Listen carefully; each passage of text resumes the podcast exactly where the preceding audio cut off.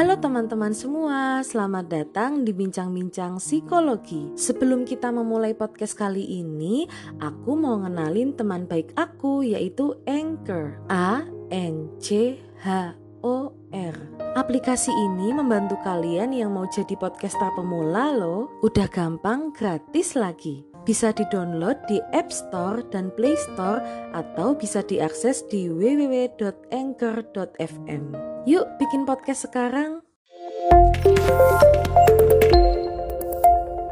Kini Podcast Network.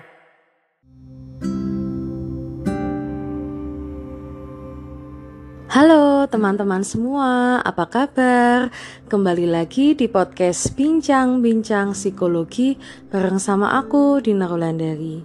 Kali ini aku pengen ngebahas suatu topik yaitu tentang trust issue yang mungkin sebenarnya hal ini tuh dialamin banyak orang gitu. Tapi mungkin kayak wujudnya, manifestasinya atau bentuknya tuh tiap orang mungkin beda-beda gitu. Nah, aku di sini pengen membahas sebenarnya apa sih yang bisa menyebabkan seseorang itu mengalami trust issue dan gimana cara untuk mengatasinya. Jadi, trust issue itu adalah kesulitan untuk kita mempercayai orang lain karena kita sangat-sangat takut untuk dihianati, ditinggalkan, atau kepercayaan kita itu disalahgunakan. Sebenarnya, kalau dalam taraf yang normal, untuk kita waspada atau berhati-hati sama orang itu wajar banget ya teman-teman. Misal kita tuh baru kenal sama seseorang gitu dan kita karena belum kenal sama dia mungkin kita nggak langsung cerita semua masalah pribadi kita atau nggak langsung yang akrab-akrab banget sama orang itu. Itu wajar karena kita belum tahu betul dia itu seperti apa apakah dia itu bisa dipercaya atau enggak nah dalam konteks yang kayak gitu itu wajar banget tapi berbeda sama trust issue di mana hal-hal ini tuh terwujud kayak contohnya sampai nggak mau menjalin relasi romansa misalnya. Karena dia punya pengalaman bahwa kalau aku pacaran, kalau aku menjalin hubungan sama lawan jenis, aku disakitin makanya mending aku single aja terus. Mungkin aku akan sampai nanti aku nggak mau punya hubungan sama lawan jenis. Atau dalam persahabatan gitu kalian gak mau terlalu deket sama temen kalian, temen akrab kalian karena takut kalau nanti terlalu deket, terlalu lekat sama dia, kalian bakal dimanfaatin atau kalian bakal disalahgunakan kepercayaannya atau kelemahan-kelemahan yang kalian tunjukkan itu akan dimanfaatkan sama dia. Jadi ada ketakutan-ketakutan semacam itu yang muncul pada orang-orang dengan trust issue. Bahkan nih yang lebih ekstrim lagi teman-teman, kalau trust issue-nya itu udah sampai ke tahap dia punya pemikiran bahwa manusia, semua manusia itu akan menyakiti dia. Makanya dia itu sengaja untuk shutdown atau mematikan kebutuhan dia untuk berelasi sama orang lain kebutuhan dia untuk terkoneksi secara mendalam sama orang lain, terkoneksi secara jujur itu dia matikan gitu. Dia bener-bener sangat mengandalkan dirinya sendiri sampai-sampai ketika dia di satu titik dia tahu dia butuh pertolongan orang dia nggak bisa ngatasin masalahnya sendiri dia nggak mau cari bantuan karena apa karena mungkin nanti kalau dia menunjukkan kelemahannya ke orang lain atau dia mencari bantuan ke orang lain itu lagi-lagi akan disalahgunakan atau dimanfaatkan atau dia akan kecewa sendiri. Bahkan sampai ke tahap ketika mungkin dia ngerasa bosan, jenuh sama hidup atau merasakan emosi-emosi negatif lainnya, dia akan cenderung lebih memilih mencari hiburan-hiburan di luar sana yang nggak ada hubungannya sama manusia.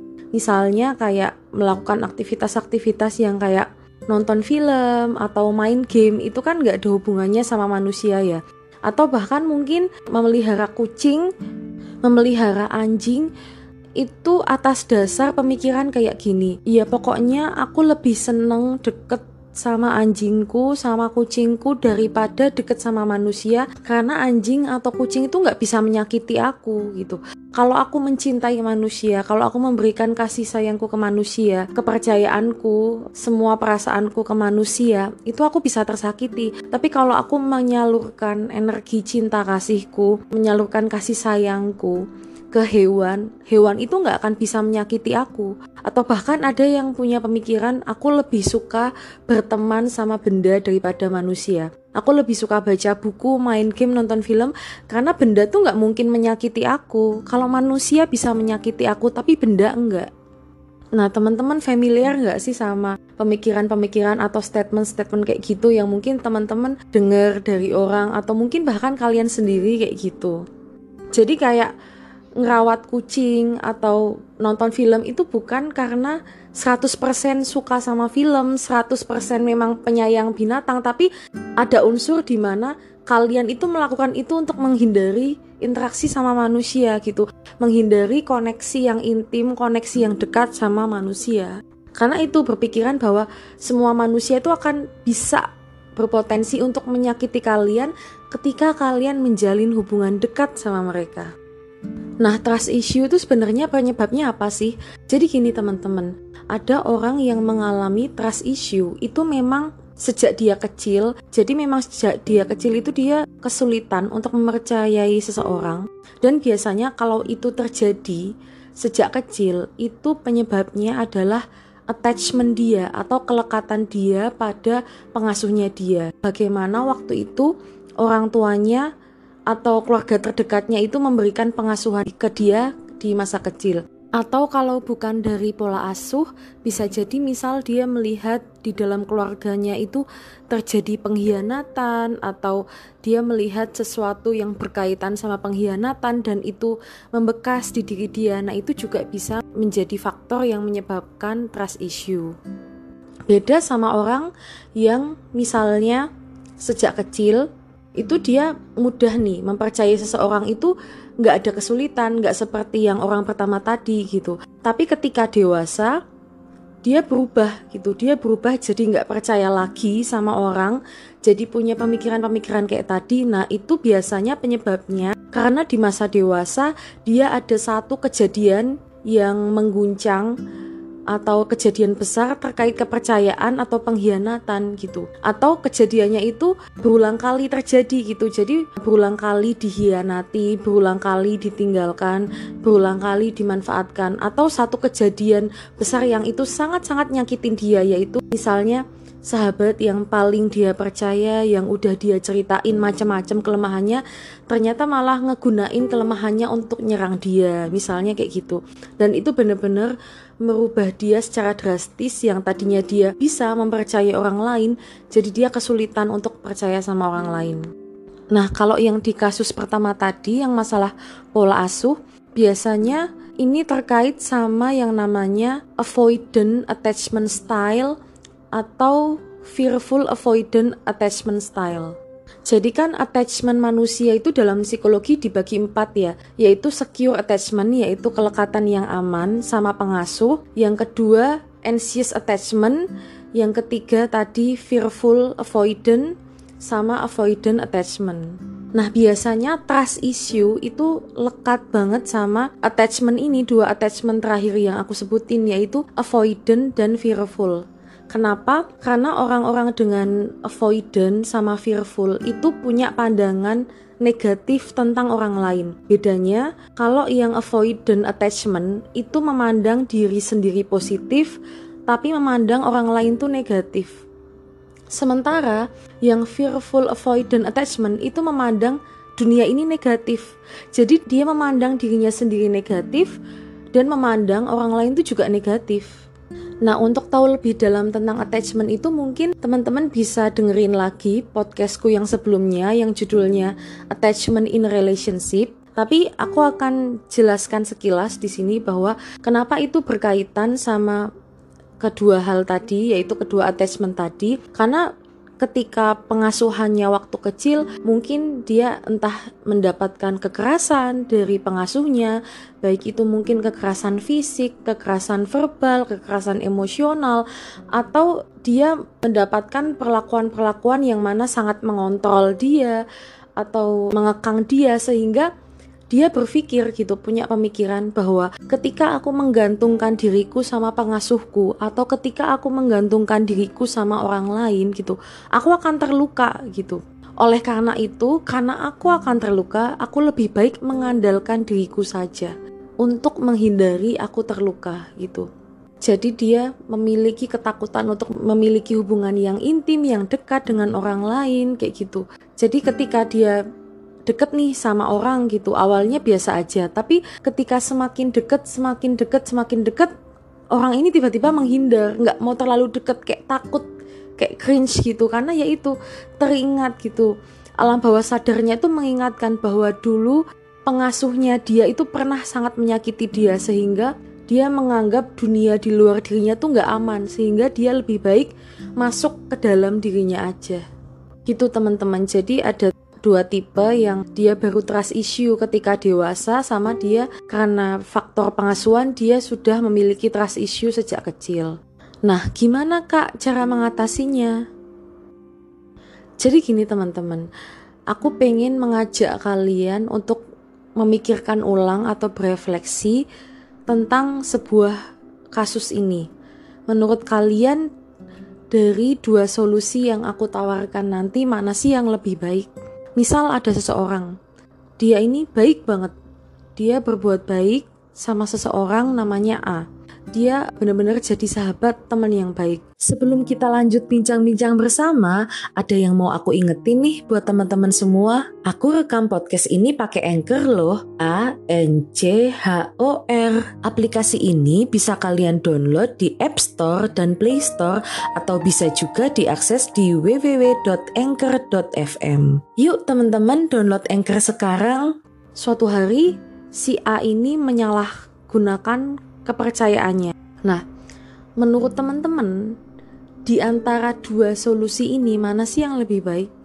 Yaitu yang solusi pertama atau opsi pertama, si B berhenti baik ke orang-orang karena dengan si B berhenti baik ke orang-orang, dia akan berhenti dimanfaatin atau solusi kedua, si B berhenti untuk selalu berbuat baik ke si A karena udah tahu kebaikannya disalahgunakan, ya udah dia akan membatasi diri, dia membuat boundaries, dia nggak akan sebaik itu lagi ke si A sebagai gantinya si B akan berbuat baik sama orang-orang yang menghargai dia. Nah, di antara dua solusi itu, antara tidak berbuat baik lagi sama sekali, sama hanya menyalurkan seluruh kepercayaannya kepada orang yang memang bisa dipercaya, yang menghormati, menghargai kebaikannya, mana yang solusi yang lebih baik?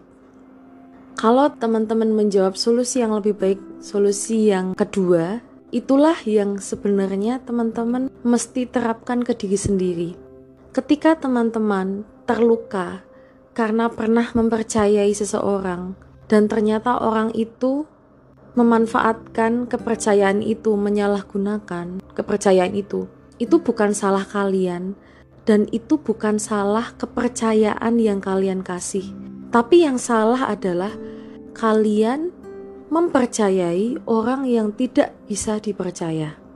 Jadi, apakah mencintai dengan dalam betul-betul mempercayai itu salah? Enggak, justru dengan kita mempercayai, dengan kita mau mencintai, dan terkoneksi secara jujur sama orang, kita bisa memiliki hubungan yang bermakna. Karena apa? Ketika kita benar-benar percaya, ketika kita benar-benar mencintai, kita bisa jadi diri sendiri gitu. Kita bisa menceritakan kerapuhan kita ke orang itu dan orang itu juga bisa kita percaya untuk mau mendengarkan segala kelemahan dan kerapuhan kita dan kita merasa kita seperti punya tempat untuk pulang gitu dan itu bisa menjadi suatu hubungan yang sehat ketika cinta itu dan kepercayaan itu kalian kasih ke seseorang yang juga menghormati kalian, mencintai kalian, dan bisa kalian percaya.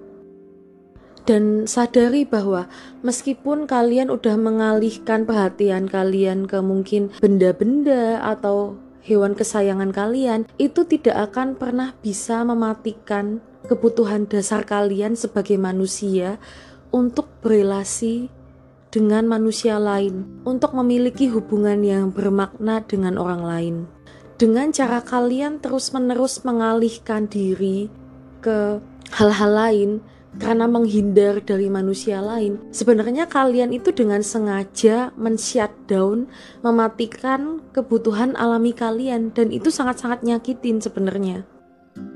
Oke, kalau untuk sementara waktu misalnya kalian habis putus nih dan kalian putusnya itu karena perselingkuhan. Kalian mengambil jeda dulu. Kalian selama enam bulan mungkin nggak pacaran dulu karena masih berduka habis diselingkuhin. Kalian masih membangun diri dulu menata diri dulu. Tapi ketika hal itu berlangsung terus menerus bahkan seumur hidup kalian sama sekali nggak mau pacaran lagi nggak mau nggak mau berrelasi sama lawan jenis sama sekali nggak nggak mau berrelasi lagi gitu. Itu yang menyakitkan gitu. Beda dengan mengambil jeda.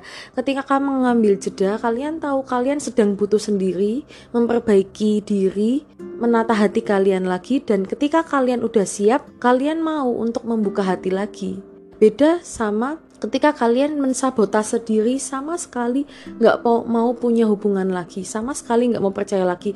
Itu sungguh-sungguh akan nyakitin karena kalian sedang mengesampingkan kebutuhan dasar kalian sebagai manusia yang mana kalian juga butuh hubungan yang sehat. Nah tapi gimana kak? Kalau misal aku itu punya nih sahabat deket-deket banget dia itu melakukan suatu kesalahan yang membuat aku kecewa. Haruskah aku percaya sama dia lagi?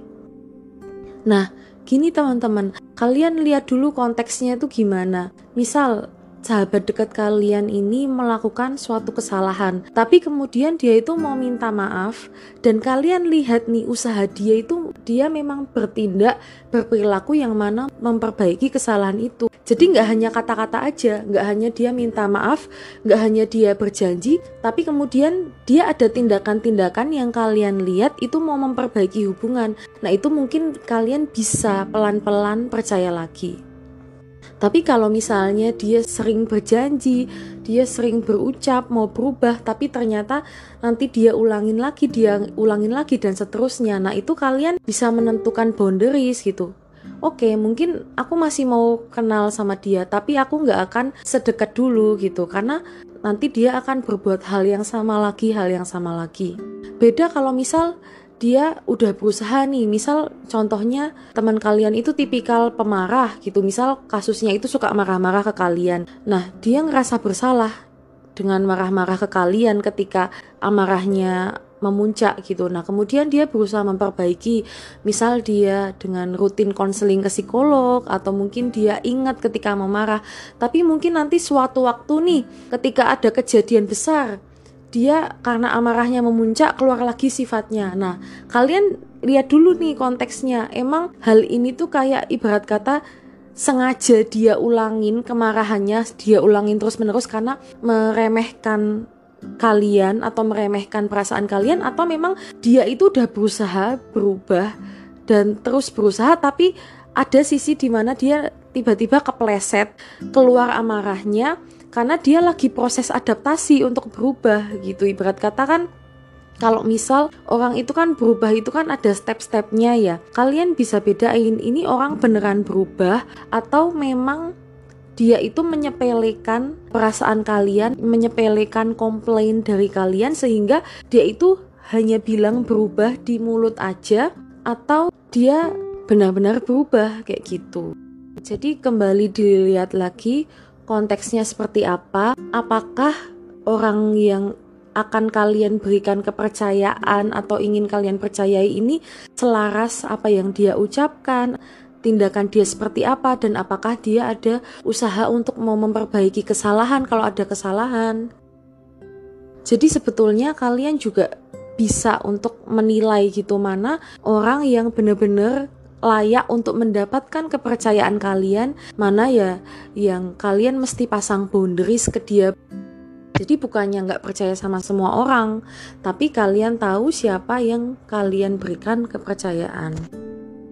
Nah, tapi gimana kalau masih merasa takut untuk percaya sama orang? Jadi gini teman-teman, pelan-pelan aja. Mungkin nggak langsung harus 100% kalian tiba-tiba percaya sama orang. Tapi dimulai dari hal-hal simpel nih misalnya. Identifikasi dulu apa sih bentuk-bentuk perilaku di diri kalian yang itu menunjukkan rasa tidak percaya pada orang lain. Misalnya kayak contoh tadi nih, kalian itu lebih senang menghabiskan waktu sama kucing kalian itu dengan alasan kalian pengen mencari hiburan yang selain terkoneksi sama manusia gitu karena menghindari relasi sama manusia mungkin bisa pelan-pelan digeser, diubah. Yang tadinya kalian itu seringnya menghabiskan waktu sama kucing-kucing kalian, kalian mulai nih mungkin telepon-teleponan sama sahabat deket atau mungkin jalan-jalan ke mall sahabat deket gitu. Itu kan hal-hal yang simple tapi bisa kalian latih, bisa kalian asah untuk membangun kepercayaan lagi sama manusia atau hal-hal simpel misalnya kalian lagi ngobrol sama temen gitu tegur sapa gitu. Kalian tadinya tuh nggak berani terlalu deket sama dia. Nanti kalau terlalu deket kalian takut disakiti. Nah pelan-pelan nggak apa-apa kok kalau aku beramah tamah sama temenku. It's okay gitu-gitu. Jadi kalian meyakinkan diri kalian bahwa kalian aman untuk mencintai kalian aman untuk percaya gitu ketika misalnya di tengah jalan kalian udah berusaha percaya sama orang. Nah, ternyata ada salah satu orang yang kalian percaya itu nyakitin kalian. Itu bukan salah kalian. Kalian akhirnya tahu gitu, oh ini memang gak bisa dipercaya gitu. Ya nggak apa-apa, kalian mulai pasang boundaries lagi, kalian memberikan kepercayaan hanya yang bisa kalian percaya dan itu nggak apa-apa gitu. Itu bukan salah kalian. Jangan lantas ketika kalian nanti menemukan lagi hal yang serupa nanti kalian jadi takut lagi nggak mau percaya sama semua orang lagi. Jangan gitu. Jadi manfaatkan hal ini tuh sebagai momen di mana kalian tahu nih kalian bisa memilih inilah orang-orang yang bisa masuk ke circle terdekatku untuk bisa aku tunjukkan semua permasalahanku Gitu teman-teman. Semoga podcast kali ini bermanfaat ya. Aku sangat-sangat mengencourage teman-teman untuk bisa kembali terkoneksi, saling mencintai dan dicintai dengan manusia, saling percaya dan dipercaya oleh manusia. Karena ketika kita bisa mempercayai orang yang bisa dipercaya, ketika kita bisa mencintai orang yang bisa diandalkan dan kita tahu kita dihormati juga sama dia, kita dipercaya sama dia. Itu menurutku hal yang sangat-sangat indah teman-teman. Karena kita tahu ke mana kita harus pulang. Nah segitu dulu aja podcastku Terima kasih ya udah menyimak sampai sejauh ini, sampai akhir, dan sampai jumpa. thank you